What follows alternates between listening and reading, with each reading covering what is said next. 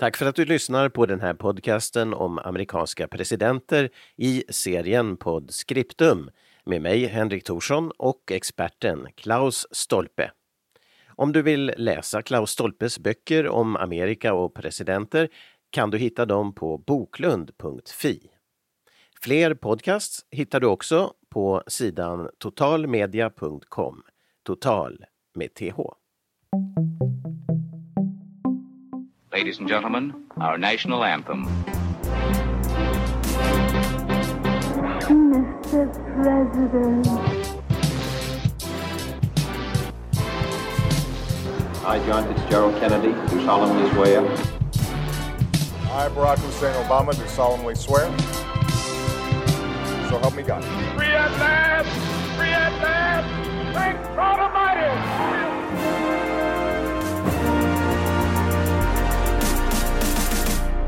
Välkommen till den här podcasten om presidenterna i USA. Och vi eh, har följt nu fyra presidenter och är inne på den femte och våran eh, ciceron i detta projekt är ju Klaus Stolpe, dubbeldoktor och välkommen med! Tusen tack, tack, tack! Ja, vi har ju egentligen aldrig presenterat oss eh, sådär värst, men jag brukar säga att du är dubbeldoktor. Men, men eh, ja, din, du är en akademiker eh, kan man ju säga. Ja, alltså jag jobbar ju vid Åbo Akademi uppe i Vasa då och undervisar i statskunskap, offentlig förvaltning och politisk historia. Och då klart offentlig förvaltning så där kommer vi ju inte in på, på här för att det är ju då främst finländsk offentlig förvaltning jag undervisar i. Av lätt insedda skäl men att eh, statskunskapen och politisk historia så tangeras ju. Och där är det ju då en sån grej att jag är statsvetare i grunden. Jag har då för många år sedan, 1997, eh, disputerat för doktorsgraden i statskunskap på en, en avhandling om olika presidentvalsmetoder, däribland den amerikanska och den får ju då kanske inte så speciellt höga betyg i det avseende. Jag menar att, man, att en som får en majoritet av rösterna kanske förlorar och sånt. Så är det lite speciellt ur ett liksom, strikt demokratiteoretiskt perspektiv. Mm. Men sedan så, så det som då kommer närmare här så är ju att jag också är då doktor i historia. Eh, och den avhandlingen så handlar om helt enkelt USAs presidenter och en, en utvärdering av dessa i och med att jag då på basen av tidigare undersökningar försökte sätta ihop ett utvärderingsinstrument för att kunna jämföra dem med varandra och det där så blev då klart 2011 och två år senare så hade då skriptumvänligheten att ge ut en, en uppföljning av det där var jag helt enkelt skrev om den där doktorsavhandlingen på ett mer läsarvänligt sätt då under titeln Den amerikanska drömmen USAs presidenter 1789 till 2013. Mm. Då hade ju Obama precis blivit, blivit omvald helt enkelt. Just det. Och lite grann kan vi säga att den här podcasten väl egentligen utgår från den boken. Men, men är det mera anekdoter här än det var i din bok eller är det eh, lika? Jo, verkligen för att eh, alltså i, i den där doktorsavhandlingen som hade titeln Bland oss några elefanter så, så, så där så fick man ju inte ha med några anekdoter i, i någon större utsträckning därför att eh, liksom det skulle vara mera nu säger jag inte att det är ett självändamål att det ska vara knastertorrt, men att det är ju inget mervärde i en doktorsavhandling att texten är liksom läsarvänlig, läsarorienterad. Det är ju ett liksom, akademiskt mognadsprov. Och sedan i den amerikanska drömmen så där fick jag ju med mera, mera av anekdoter, men inte så mycket som vi pratar om här, så att, att, eh, att det här är kanske då ja, lite ro, roligare och mer underhållande saker som vi tar fasta på här och vem vet, man kanske kunde sätta ihop en, en, en separat bok kring de här lustiga episoderna. Det skulle kunna vara ganska intressant för folk. Mm. Inbillar, inbillar jag mig kanske. Absolut, det, det, och efter, våra, efter vi 46 veckor när vi, eller månader när vi är färdiga med det här så är det dags. Nej, du får antagligen göra den lite före det i så fall. Um, tar sin tid. Men uh, ja, spännande. Och, men uh, du har ju också egna sändningar, i alla fall uh, när vi spelar in det här så har du ju Facebook-sändningar varje, eller varje tisdag? Eller vad, något sånt. Jo, det är en sån här liksom, det har väl att göra med, med coronapandemin antar jag att jag har för mycket tid. Så Mm. att jag brukar sitta och fil, filma in mig själv. Det brukar vara en 14 minuter, 13-14 minuter varje tisdag var jag tar upp något, eh, något ämne som jag tycker att det är intressant. Alltså i, i regel då så handlar det ju om sånt som berör mitt jobb. Eh, någon kurs som jag håller som är aktuell eller något sånt. Så det kan vara det kan liksom vara politik eller politisk historia. Någon gång så, så tar jag ut svängarna och talar om fotbolls-EM eller ishockey-VM eller något sånt. Men det, det är liksom mer, mer, mer sällan. Mm. Jag tror att eh, de, de snuttar som, som väcker mest intresse eller minst ointresse kanske så, så handlar väl om, om amerikansk politik mer sån här nutid kanske. Det, Mm. det var i och för sig också så jag började för att det var då, då min, eh, min bok Tramp och hans värld kom ut där kring alltså slutet av år 2020 så då tog jag tillfälle i akt och gjorde en sån här för att berätta om den där Mm. om den där bo- boken och den finns ju då också på Skriptum Boklunds hemsida. Mm. Så att, men att sen tänkte jag att nej, men det där kan ju vara en, en kul grej helt enkelt. Så du fortsatte på det viset, ja. Just det. Ja, precis. Det, det är ju inte så, det, det, det, det tar ju inte så lång stund att fixa ihop det där. Jag menar, jag, jag förbereder mig kanske inte så, så mycket. Jag har några franska streck och, och, och så vidare så att hela processen så tar väl kanske en, högst en timme att liksom totalt sett att lä- lägga, lägga in det där så att det, det är liksom bara en, en kul grej helt enkelt men att det är ju Mm. snällt att du tar upp det här för att det kan ju vara någon, det kan ju vara någon, någon som tänker att det där måste jag ju kolla in. Det är ju bara att slå in mitt namn och valfritt tisdagsdatum, Klaus Stolpe och ja, vilket datum man Det är bara att ko- kolla, kolla någon tisdag från 2021 eller något så, så, så, så kommer man in, in på det helt enkelt. Ja visst, och vi, vi lägger upp en länk också och det, om inte du fortsätter med det sen så finns det ju äldre, kan, antar jag sparas det på något sätt eller? Ja. Det, finns ju på, det finns ju på Youtube allting. Ja, det är på. Youtube. Ja, precis. Ja, det är sant. jo, jo.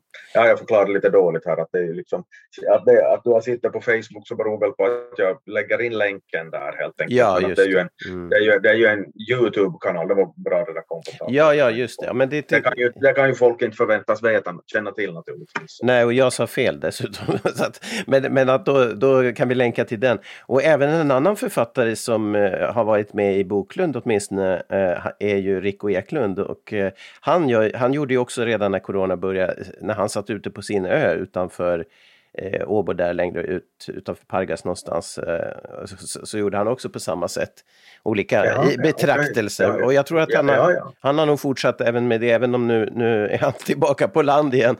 Ja, men just nu kanske han är på sin ö, men då, han kom hem till land igen.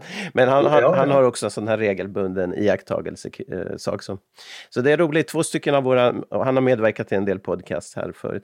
Men I alla fall, vi ska, eh, det var intressant att höra lite om dig och får säkert upprepa det av och till för de som tillkommer här och lyssnar. Men det är klart att vill du som lyssnar höra från, ett, från början till slut så är det väl att rekommendera. Vi börjar ju med George Washington i den här serien och så nu har vi då kommit förbi just eh, eh, James Madison som, som var mannen bakom konstitutionen. Och nu är det då, han var fjärde president och nu är vi alltså framme vid James Monroe och vilket år är det då som han eh, kommer att väljas till president i USA? Det är 1816 och 1820 som James Monroe blir, blir, blir vald och de valen är ju inte speciellt spännande eftersom eh, den här tid, det här första tvåpartisystemet i USA, så dess epok är i praktiken över. Mm. Visserligen ställ, finns det en federalist, Rufus King, som ställer upp 1816 men han är då ganska, ganska chanslös. Mm. Och, eh, och sen eh, 1800, 1820 så, så då, då är det ingen motkandidat utan då får Monroe alla elektorsröster utom en helt enkelt. Finns lite o, o, så att Men, men det Ja. där med partierna, hade, hade det, var det nu under Monroe då, eh, i och med 1816 som det egentligen hände, eller hade det påbörjats redan under Madisons tid? Alltså det hade påbörjats under Madison och en sån här brytningspunkt så, så var ju det här kriget mot, mot britterna som kunde då ha blivit, blivit väldigt ödesdigert för USA, det kallas då för Mr Madisons War och det var liksom en ganska lite spefullt eh, Eh, sagt om presidenten att det var hans fel att det blev, blev krig och det där kunde ha gått, gått dåligt för britterna. Var ju en militär stormakt på den här tiden men de de var ju, ju krigströtta på grund av sina fighter med Napoleon, men uppe i nordost där federalisterna hade varit starka så, så slöt de här delstaterna i det så kallade New England en, en separat fred med kanadensiska grannar i norr och, och de försökte, det var tal om att eh, de skulle lösgöra sig från USA och sånt och i och med att kriget då ändå gick bra så tappade ju folk förtroende för federalisterna. Mm. De sågs lite som no, landsförrädare och, och, och, sånt så att det, de höll nog på fejda ut redan, redan före Madison blev, blev vald. Men att man kan, eller förlåt, Monroe, förlåt. Mm. Men att man kan säga att de här sista kunde kalla det sista dödsryckningarna kom i samband med att Monroe var president. Mm. Ja, i och med att det fanns fortfarande kvar en kandidat i, i det valet och som, som det var sista, sista resten alltså. Eh, ja. Eh, man såg, var det inte något, just det här devisen, vi federalister ska nog se på historien med tillförsikt.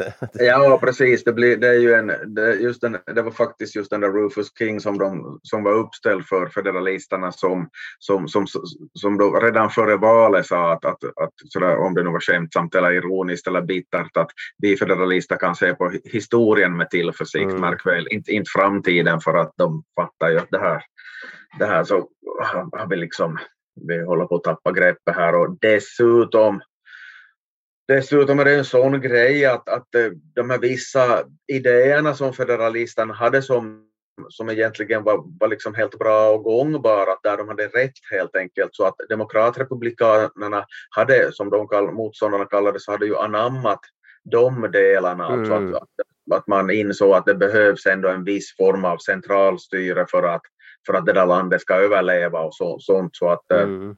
så att de var inte lika benhårt inne på det här med att, att delstaterna ska sköta sig själva och that's it, utan, mm. utan de, de, de insåg att man behöver någon form av, av centralstyre. Så de hade, jag vill väl inte säga att de hade snott federalisternas bästa idéer, men lite grann ja, plocka russinen ur kakan helt enkelt. Mm. Ja just det och då, och då har vi alltså ett, ett läge med det här enparti ett bra tag framåt. Det det är åtminstone tio år innan det börjar eh, leva något nytt, eller hur? Var det inte så? Ja, i, i, det, i det stora hela, för att då vi kommer fram till det här första valet efter, efter Monroe sedan, så då, då är det plötsligt fyra kandidater som, som får elektorsröster och de hör ju till samma parti, men då mm. blir det ju lite som i jag tror det blir, låter kanske lite fånigt, men att, eh, att eh, det blir liksom som i en, en kommun där det är ett parti som, som styr väldigt starkt, då, då blir det nästan obönhörligen falanger mellan de här olika byarna eller kommundelarna som, som konkurrerar sinsemellan för att det finns lite, lite olika intressen. Det, att det kan mm.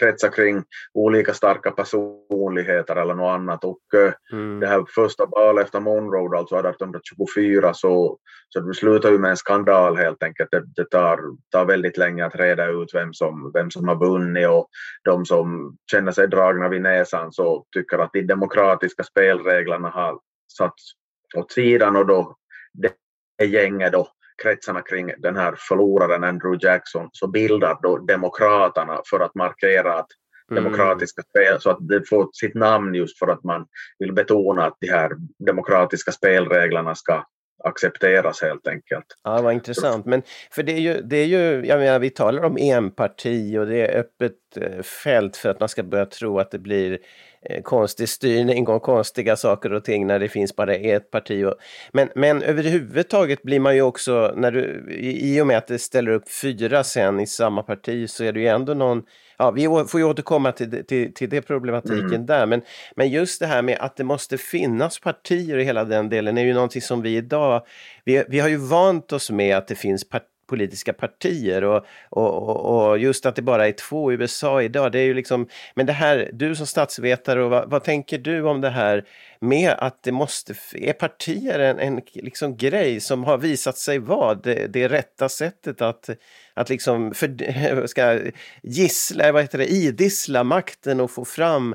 Eh, det, det, jag menar nu under Monroe så är det inte så, för det är bara ett. Men, men visar det sig med historien, eh, det, kan vi se det idag, liksom, att partier är en bra lösning? Eller vad säger du? Ja, bra, bra, men att det är kanske svårt att hitta något, något, något bättre för att eh, vi säger nog att vi, vi, av någon anledning som genom ett trollslag skulle alla partier försvinna från Finland eller Sverige eller någon, vilket land som helst, USA, mm. och så ska vi börja, börja från scratch. Men att så småningom så finner ju folk varandra om att jaha, men vi tycker likadant i de här frågorna och så då skulle det antagligen uppstå nya ny, nya grupperingar i alla fall, inte, inte sagt att det skulle vara de här samma, men att, att det, det är ju ett, ett sätt liksom att, att samlas för sådana som har likartade värderingar, annars får vi ju bara en, den skrikande massans demokrati. Att det skulle bli väldigt ohållbart om vi skulle ha typ folkomröstningar om precis allting och förbjuda partier eller något sådant annat utopistiskt. Så mm. att man hör väl den sortens uttalanden ibland, men att det är ju nog i regel av folk som ja, inte, vill, inte har tänkt efter eller inte liksom förstår, förstår den här processens sätt att fungera helt enkelt. Mm. Ja, det är en praktisk lösning och kanske den mest demokratiska ändå om man tittar. I, ja, speciellt praktiskt alltså. Nå klart det skulle väl vara mer demokratiskt eh, om, om vi skulle ha folkomröstningar om allting, men jag menar mm. då skulle vi få, det skulle bli lägre skatter och högre bidrag ungefär. Mm. det blir liksom mm. svårt att, svårt att få, få struktur på det hela om, om man ska ha, ha det där hela tiden. Alltså, så att jo, att det, det är väl inget, det är inget märkligt att partier uppstår. Mm. Men att det intressanta är som vi har varit inne på här tidigare att, att det var ju ingenting som man beaktar och konstitutionen skrevs därför mm. att man hade ju inte man hade inte så mycket att jämföra med helt enkelt. Mm. Och, och att, eh, alltså att, eh, och det där såg man ju också i den här grundlagens ursprungliga formulering så var det ju att, att eh, om ingen får en majoritet av elektorsröstarna så ska representanthuset utse president bland någon av de fem som har flest elektorsröster och det är ju mm. totalt otänkbart det ju att, att det ska finnas fem stycken. Men att det visar ju också att mm. man, inte har, man inte har tänkt att jaha, men att kanske det kommer att, att bli grupperingar som uppstår här och så, och så snackar man ihop sig om vem man ska ha som presidentkandidat och så och så blir det bara två. Ja, men när vi då analyserar Monroes tid och säger att det är bara en parti och det här, så, så är det vårt perspektiv på det. För, för egentligen, det var ingenting man kanske tänkte så mycket på ens heller då, att det är bara ett parti, eller? Som är starkt. Ja, alltså egentligen så den där epoken så har ju till och med ett eget namn. Man talar om the era of good feelings. Ja, just det. Mm. Och, och, det kommer från en, det är väl egentligen myntat av en dagstidning om jag kommer ihåg rätt, att det var någon som, eller om det var någon författare, Mark Twain om han levde då, alltså någon som, som konstaterar att, att nu lever vi i en era of good, good feelings, mm. att, att vi har det här uppslitande bråket mellan partier. Mm. Så man, man, man trodde att det var tydligen då att det var partierna som roten till, till konflikten. Ja, roten till konflikter, mm. men att det var ju bara det att det tog ju, tog ju sig tog, tog ju sig andra uttryck för att då blev det ju istället falanger inom de olika partierna som, som konkurrerar sinsemellan. Mm, mm. Nej, men det är ett sätt att positionera sig, att, att samla folk kring sig och organisera sig. Så det, det är klart det är inte konstigt att man kan uppleva partier så. Det är, så är det ju idag också. Ja, för att det, det, det är ju det som vi ser, men alltså mm. det är ju mm. partierna i sig som, som, eh, som det här eh, vad heter det, Alltså det, det, är ju det som är redskapet, eller vad, mm, det är ju det som, mm. det, det som formar arenan på något sätt. Men, nej, men, jag, men, men okej, men partier kan ju, liksom det är en social konstruktion eller vad man vill kalla men det kan ju, det kan ju mm. leda till en generering av konflikt nog att man tillhör ett grupptillhörighet, man, att det blir profilerat väldigt mycket. Så att no, men, men att i grunden är det som du säger, att det är inte det som är konflikten utan det är ju frågorna naturligtvis och olika uppfattningarna som är. Ja. Men det kanaliseras. Jo, det kanaliseras ju via partier och sedan då så, så kan det ju, finns ju då en viss risk då ifall man är väldigt hyser en stor vurm för liksom gruppbeslut och att man inte får avvika från gruppbeslut och sånt. Mm. Och då blir det ju, då, då blir det ju mer polariserat. Uh, nu ser vi ju, vi ser ju det där i dagens, dagens läge att om du träffar en uh, ung välutbildad kvinna som är för, för, vad heter det, för abort och, och mot, mot, mot det här uh, ska hitta på, mot att man ska få ha väldigt mycket vapen i hemmet och, och sånt. Så jag skulle vara,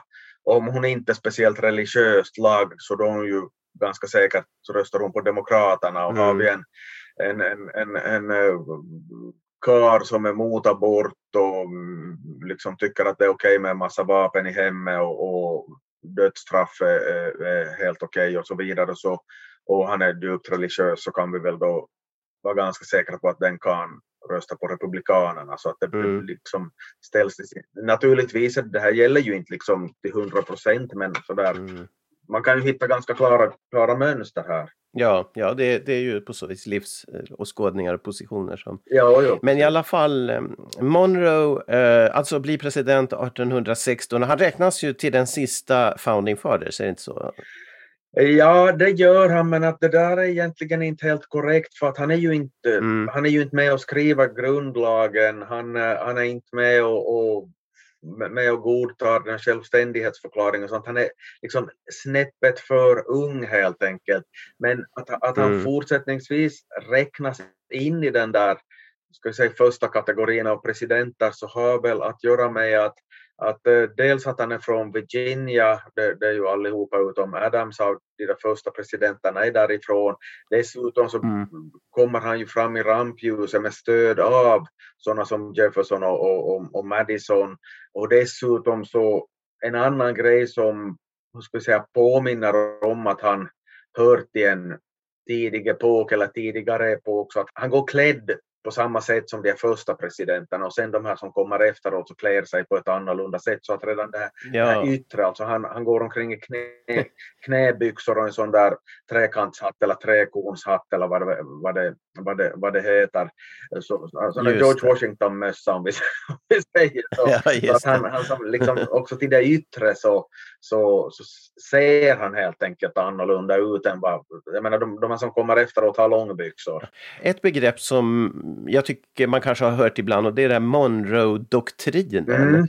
Vad är det? Ja, liksom? alltså det är ju ett, ett begrepp som kom att användas väldigt mycket under kalla kriget. Så att, och det mm. handlar om att det kom en utfästelse från den här James Monroe, det var inte han själv som skrev den där formuleringen, men det spelar ju ingen roll, men att, att det var en markering att de här att framledes så ska de här europeiska stormakterna så har ingenting i den här delen att, av världen att göra helt enkelt. Och det där var ju mm. en markering då att engelsmän, och, eller britter och fransmän och på sikt kanske också tyskar, det var inte aktuellt riktigt då ännu, men att, att äh, skulle, skulle liksom hålla sig borta, hålla tassarna borta från den nya världen.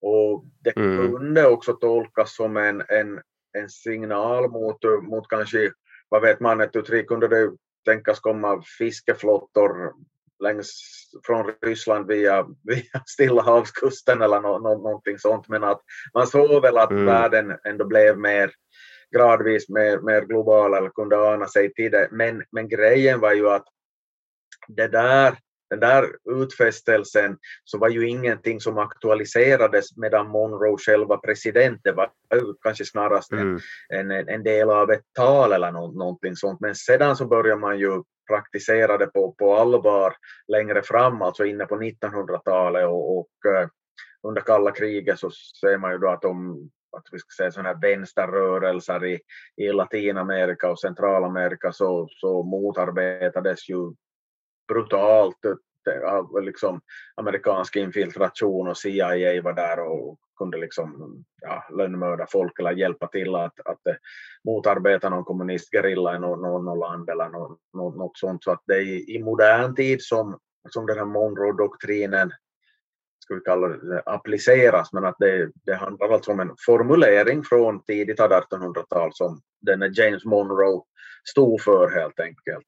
Men, men någon slags ordningsmakt eller på, på USAs villkor, är det det man kan säga att det blir? Eller? Ja, alltså att, ska jag säga, att, att om, det nu, om det nu prompt ska finnas någon slags världspolis i, i Nord och Sydamerika så är det USA som ska ha den rollen. Mm, att det. europeer ska hå- hålla sig undan helt enkelt. Ja, just det. Så det, det gäller inte så mycket vad som händer i Europa utan vad Europa gör på andra håll egentligen. Ex, ja, precis. Mm. Ja. Speciellt där. spe, spe, specifikt där, alltså vad, vad Europa gjorde i liksom Afrika så brydde man ju sig inte utan men att det var att, att den nya världen, alltså Nord och, Nord och Sydamerika, så där ska europeer Mm. Hå- hålla sig borta helt enkelt. Ja, precis. Ja, men, men, och, och där är det väl, var det inte så då att, att det här successiva övertagandet av eget territorium fortsatte under Monroes tid också? Var det fortfarande så att Florida tillhörde Spanien? Ja, det, ja, det kom ju över i, i amerikansk ägo, men att även, även då, alltså, USA var ju tämligen litet då, då ännu och Mm. man visste ju att det kanske är en expansion, expansion västerut gradvis så att, att eh, och här är kanske då den, den mest intressanta delstaten är Missouri som, jag menar ser vi på en karta av idag så ligger det ju relativt långt österut i USA. Mm. Men att, att då, då, då var frågan om att på, vilket, på vilka villkor ska Missouri tas med som, som delstat för att, att här ser man att den här slaverifrågan så börjar successivt växa i betydelse. Aha. Och eh, man tar med, och då är frågan att ska Missouri ha slaveri eller inte och eh, då väger det över för, för slaveriets vidkommande. Mm. Men, men då, då vill man inte ha en situation där det finns en slavstat mer än vad det finns fristater, för då skulle slavstaterna få automatiskt ett övertag i senaten eftersom alla delstater har två senatorer var. Så därför så, så delar man på Massachusetts, alltså uppe i, i, i nordost, så att man, man knoppar av den här nordligaste delen av Massachusetts och börjar kalla det för Maine. Maine. Maine, Maine blir en, en, en ny delstat. Och, så att, eh, så att det är ju lite, det är ju lite, det är ju ett väldigt speciellt sätt för en, en amerikansk delstat att uppstå på helt enkelt, att man delar på, på två, eller man, man delar upp en befintlig delstat i, i, i två olika delar, men det var en, skulle kalla det skrivbordskonstruktion för att, att, att, att eh, det skulle bli jämnt skägg i senaten helt enkelt. Mm, just det. Ja, och vi hörde ju förra gången om hur man, hur man justerar valkretsar också utifrån hur Ja, befolkningen ändras. och Ja, e- där. exakt, och exakt. ja. Så att det ska Ja. fortfarande. Missouri-kompromissen som den kallas så är, så är väldigt speciell därför att, att frågan är ju då hur, hur långt norrut som slaveri ska få utsträckas och Mm. eh, då, då drar man gränsen alltså vid Missouris sydgräns så att, att Missouri är högre upp än de andra slaveristaterna men man kommer Aha. överens om att, att eh, om de nya delstater kommer till så, ska, så, så, så då, då är det liksom den här breddgraden så, som avgör om det alls ska vara aktuellt med slaveri eller inte. Och den där kompromissen så håller i, det är väl 30 år i stort, stort sett innan man kommer på något annat påfund. Men det, det kommer vi det, det, kan vi komma in på senare, det är onödigt att gå händelserna i förväg, men att den, den lever alltså i en halv mansålder, den där så kallade Missouri-kompromissen, att vid 36 breddgraden så norr om, norr om den så ska vi inte ha något slaveri, förutom då i själva Missouri och söder om så får man bestämma hur man tycker. Men hade då, när, när frigavs slavarna norr om då? Var det i och med den här kompromissen? Nej, nej det, var, det, det, var, det, det skedde gradvis alltså. Mm. Att det var viss, vissa, då USA grundades så fanns det väl redan vissa, alltså inte bara väl utan det fanns vissa delstater som, där slaveri redan var förbjudet och sedan gradvis så, så försvann det i de här andra nordligare delstaterna Mm. av olika skäl egentligen. Dels humanitära, att man tyckte att det där var någonting som hörde en svunnen tid till. Och sedan så, det fanns inte samma behov av det helt enkelt. Det är en annan sak i, i ett eh, jordbrukssamhälle utan maskiner där det är väldigt arbetsintensivt, det vill säga som i, i södern helt enkelt. Mm. Så att, eh, Mm. att, eh, men att man hade inte, man hade, alltså rent krasst, det här låter väldigt cyniskt, men att jag, Mm. man hade inte samma nytta av, av, av slavar i, i norr helt enkelt.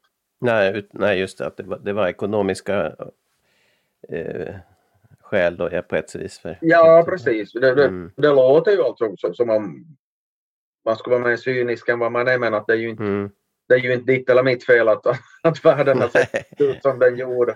Nej. Ja, delvis kanske det är vårt fel, men att, nej, det är det inte. Men var inte lika beroende av det i Norge i alla fall. Så det, Nej, nej, så, nej, nej, så, det var- så är det klart. Nej, nej, nej, nej, nej. Och, eh, och det, som, det som ställer den konflikten till sin spets är ju att de där samhällena fortsättningsvis fortsätter att utvecklas i helt olika riktning. Nordstaterna blir mer och mer industrialiserade och, och sydstaterna så, så kör vidare med, med framförallt bomullsodlingen blir, ju- blir ju de facto större och större. Mm. Att den, den, blir, den blir viktigare och viktigare efterhand. Ja. Vilket gör att, att deras behov av, av slavar, eftersom de, man inte hade några ja, du, dubier om huruvida slaveri var, var okej eller inte, så, så, så det här då, då tutar man ju och kör det som, som förr helt enkelt. Mm. Men, men eh, ja, så att USA växte under den här tiden, expanderade västerut och men, men Monroes, eh, Monroe har också påverkat stä, namn på städer i helt andra delar av världen. Eh, eh, är det Liberia eller som? Ja, ja alltså, eh, om man vill ha en quiz så kan man fråga att vi, vilka, vilka två amerikanska presidenter har fått gett namn åt, åt, en huvudstad. Och det är Mm.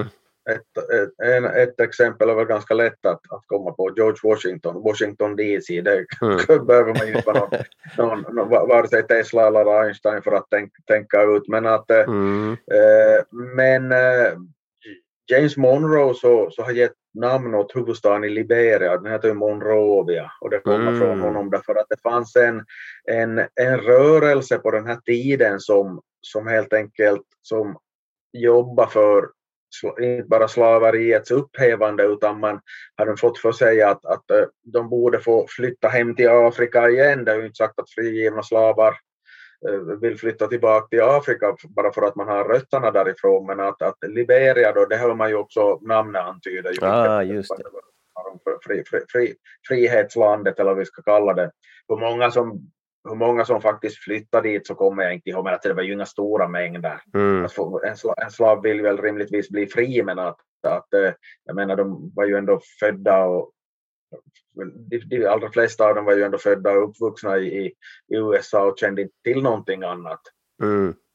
Nej, Så att, precis. Så konstigt. Så att, att, att, att, att sen å, å, åka tillbaka, det är ju liksom en romantisk touch över det naturligtvis, att, att nu, ska vi, nu ska de få ett eget land, och, och, men, men det är ju Ja, det var ju, det var ju kanske ingen höjdare i de, i de allra flesta fall. Nej, just det. Just det. Och, och, Men, men det oaktat så, så huvudstadens namn så, så kom det från James Monroe. Monrovia, just det. Men han var, för, på, på tal om Monroes delaktighet, han var med och, i, i kriget, friskriget mot England i alla fall.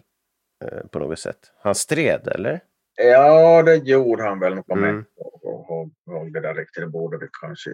Men han, var, han borde ha varit en, nästan 30 år då, eller? tj- Ja, att han var väl född på... Ja, när var han född? Nej, 1750 98 va? Ja, ja precis. Ja, ja, precis. Så att eh, liksom nätt och jämnt så, så, så, så han har ju med där, men att som sagt var tillräckligt gammal för att kriga, men att, att eh, då är det ju, det är ju inte riktigt samma sak som att, att vara tillräckligt gammal sen för att vara, vara med och skriva grundlagen och, och, och, och, så, och så vidare. Nej, nej, precis.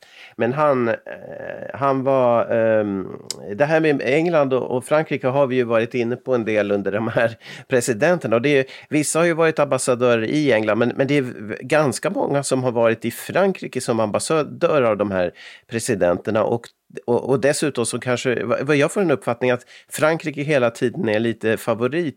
Ja, men det är klart man hade ju öppet krig mot, mot England och det var ju hot, alltså kungen var ett hot. Så det är lätt att förstå det. Men det var också Jeffersons idéer om, om frihet och, och hela franska revolutionen som fanns där hos honom. Men det, det är flera som har Frankrike som favorit och, och var det, så var det väl också med Monroe, att han... Jo, alltså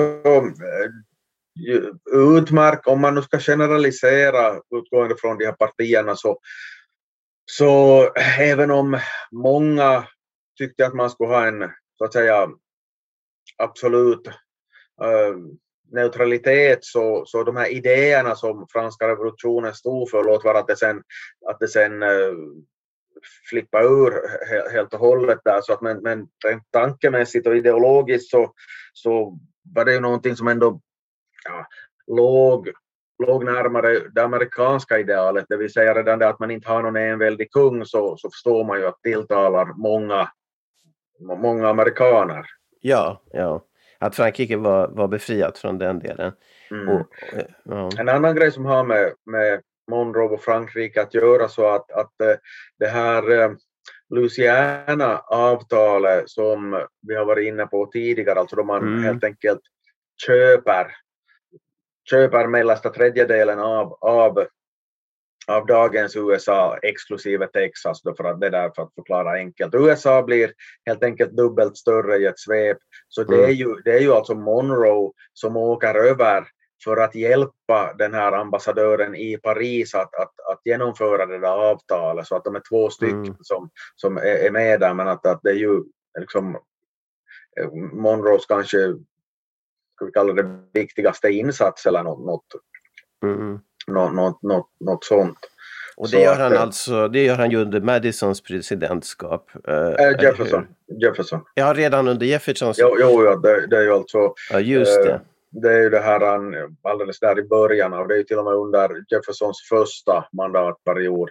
Jefferson mm. blev, om vi repeterar så, Jefferson blev ju vald år 1800 och eh, sen år 1804 blir han ju, blir han ju omvald. Men att det här 1803 som det här Louisiana-avtalet träder i kraft och mm. Eh, det, är ju, det är ju lite lustigt för att eh, eller vadå lustigt, ja något lustigt är det väl på sitt sätt. Intressant alltså att, att Frankrike har ju bara haft det där området i tre års tid för att det mm. hade ju, hade ju, man hade haft det under större delen av 1700-talet men sen övergår det i spansk ägo 1762 eh, om vi nu ska vara petnoga och sen år 1800 så övergår det i fransk ägo tillbaka.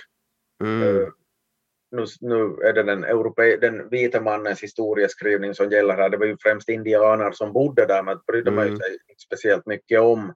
Men att, äh, Napoleon tyckte väl då efter tre, års, efter, efter tre år att det där var ju någon, tre år av franskt innehav att det där är inte någonting som man behöver. Äh, och eh, då kan, tycker han då att han kan få loss lite pengar till sin, till sin armé eh, äh, har bättre, bättre användning för pengarna där och eh, äh, säljer det åt, åt USA men att det är ju då den Monroe som, som är med och dealar om den något besynnerliga markaffären.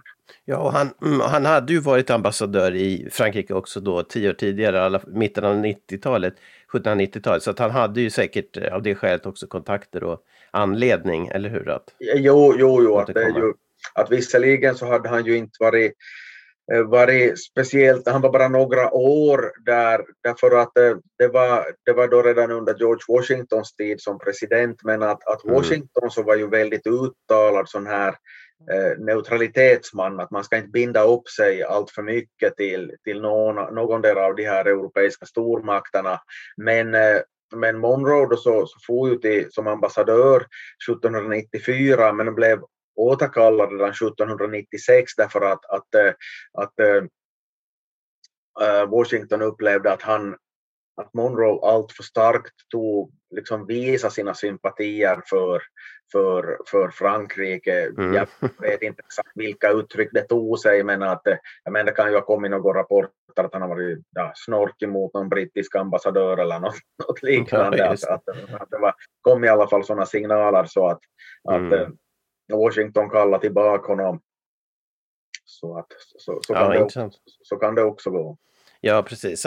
Men, men, Frankrike var ju också, som vi har berättat under kriget, en, ett stöd för, eh, ja, kanske orsaken till varför Washington klarade kriget också. Jo. Eh, så att, eh, man förstår att, att banden är täta med Frankrike det, det, i alla fall. Jo, jo, jo det, det, det förstår man ju nog mycket väl.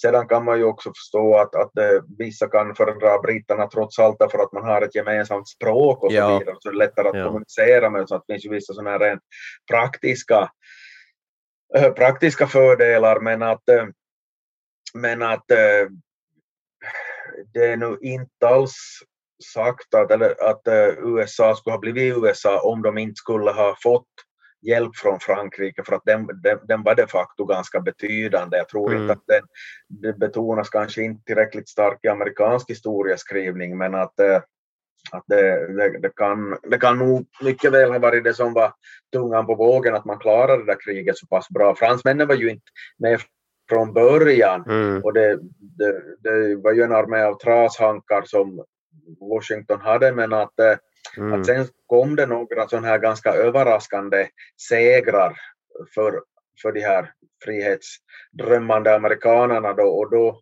då tänkte Frankrike att ja, men det här kan ju vara lite kul att, att ge tillbaka för att vi själva blev bortschasade från Nordamerika och britterna så att det här kan ju vara, kan ju vara lite småkul så att, att den vägen. Så. Och det var ju liksom kronisk konflikt där mellan, mellan Frankrike och Storbritannien under ja, flera årtionden egentligen så att det, mm. det, var väldigt, det var väldigt ansträngda relationer. Ja, Ja, intressant, men eh, James Monroe då, inte så bekant president som sagt och eh, eh var, var, har han hamnat i, i eftervärldens syn just som president? Har han, ligger han någonstans och skvalpar i mitten eller vad? Ja, det kan man väl, kan man väl säga för att, att, eh, att inte han ju någon, någon som är, som är äh, jätte jättekänd eller legendarisk eller någonting sånt. Man tycker ju att en som, en som har vunnit, blivit vald nästan enhälligt skulle, skulle ligga högt upp i, i, i, rang men att det hade ju egentligen att göra med, med andra saker, det vill säga brist på, på ja, partimässig konkurrens, alltså att mm. det var nomineringen av, av, av det här honom som Alltså det var nomineringen inom partiet som avgjorde vem som vann valet så att det är ju mm. inte någon...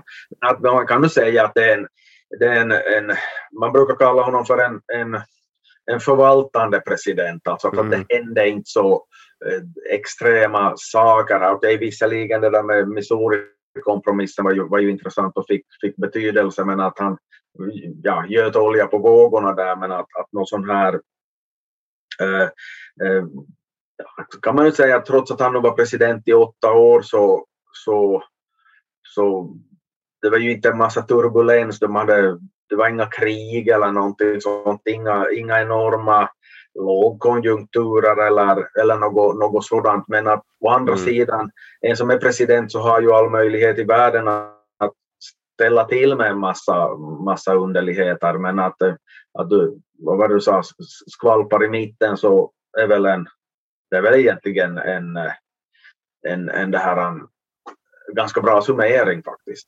Mm. Ja, men, men jag ser också i din bedömning i den här boken, Den amerikanska drömmen, att han har fem, plats 15 och då hade du 42 presidenter där, så att han är lite, lite över mitten i alla fall, verkar det som. Jo, för att äh, liksom han, han är ju lite småtråkig sådär historien om, om vi säger så. Nu menar jag mm. inte att man, han borde ha startat krig bara för att jag ska få någonting att skriva om, men att, att det, det, det blir ju lätt att du, att du hamnar där i mitten om, om det om du nöjer dig med att vara en sån där mer ska vi säga, förvaltande president. George mm. Bush den äldre är väl, ett, kan, man väl, är väl en, kan man väl i någon mån jämföra med så här av mer moderna presidenter. Att mm. då, då liksom kalla kriget, kalla kriget var över och, och, och, och ja, det kan, det kan jag ju säga att uh, i den där den amerikanska drömmen så går jag igenom den systematiskt. Men även i Trump och hans värld så summerar jag ju jo, just det. det i ett kapitel så att om man vill få, få det där på ett mer översiktligt sätt så, så är det ju ett, ett, ett avsnitt i den här Trump och hans värld var jag, var jag summerar de här summerar min, min egen rangordning av presidenterna mm. helt enkelt för att lägga in Trump i historien och det där är ju, det är liksom det är ju enklare att läsa ett kapitel i Trump och hans värld än att läsa hela den amerikanska drömmen om vi, om vi, om vi, om vi säger så. Mm, precis. Ja, men eh, det ska vi göra och till nästa gång tar vi upp den placeringen också bara för, för rättandets skull. Men eh, vi, ja, så, men jag tycker så här, Munro, han, det känns ändå nu när vi har pratat om honom så han har verkligen rötterna i den där frihetsrörelsen och bland de där eh, Founding Fathers. För att han var med i, i krig, kriget på något sätt, han var med ambassadör, han var med i gänget. Och, Ja, och det kommer vi att se att det försvinner ju nu, för de, de droppar av alltså. Men han, är, han har en stark connection till det där gänget som är Founding Fathers och på så vis har han också blivit en av dem liksom ändå. Eh, eh, Ja, precis. Eh, Han, så han, han som hänförs till den, den, den fållan, till den epoken helt enkelt. För att då är det ju att den som, den som kommer som, som följande president så är ju, är ju son till en av de founding fathers. Så att, Precis. Att det, det, det är en annan, i Generation. ord, ordets rätta bemärkelse, en, en annan generation som, som kommer, som tr- träder in i bilden här. Just det, John Quincy Adams kommer Mm. nästa gång.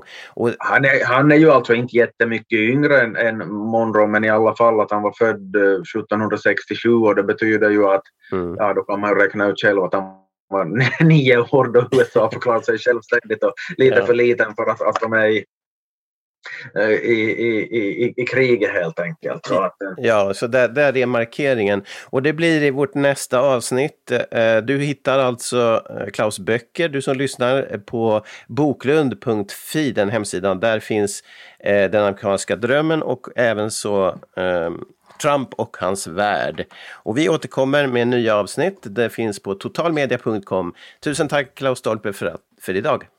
ja, tack själv, tack själv.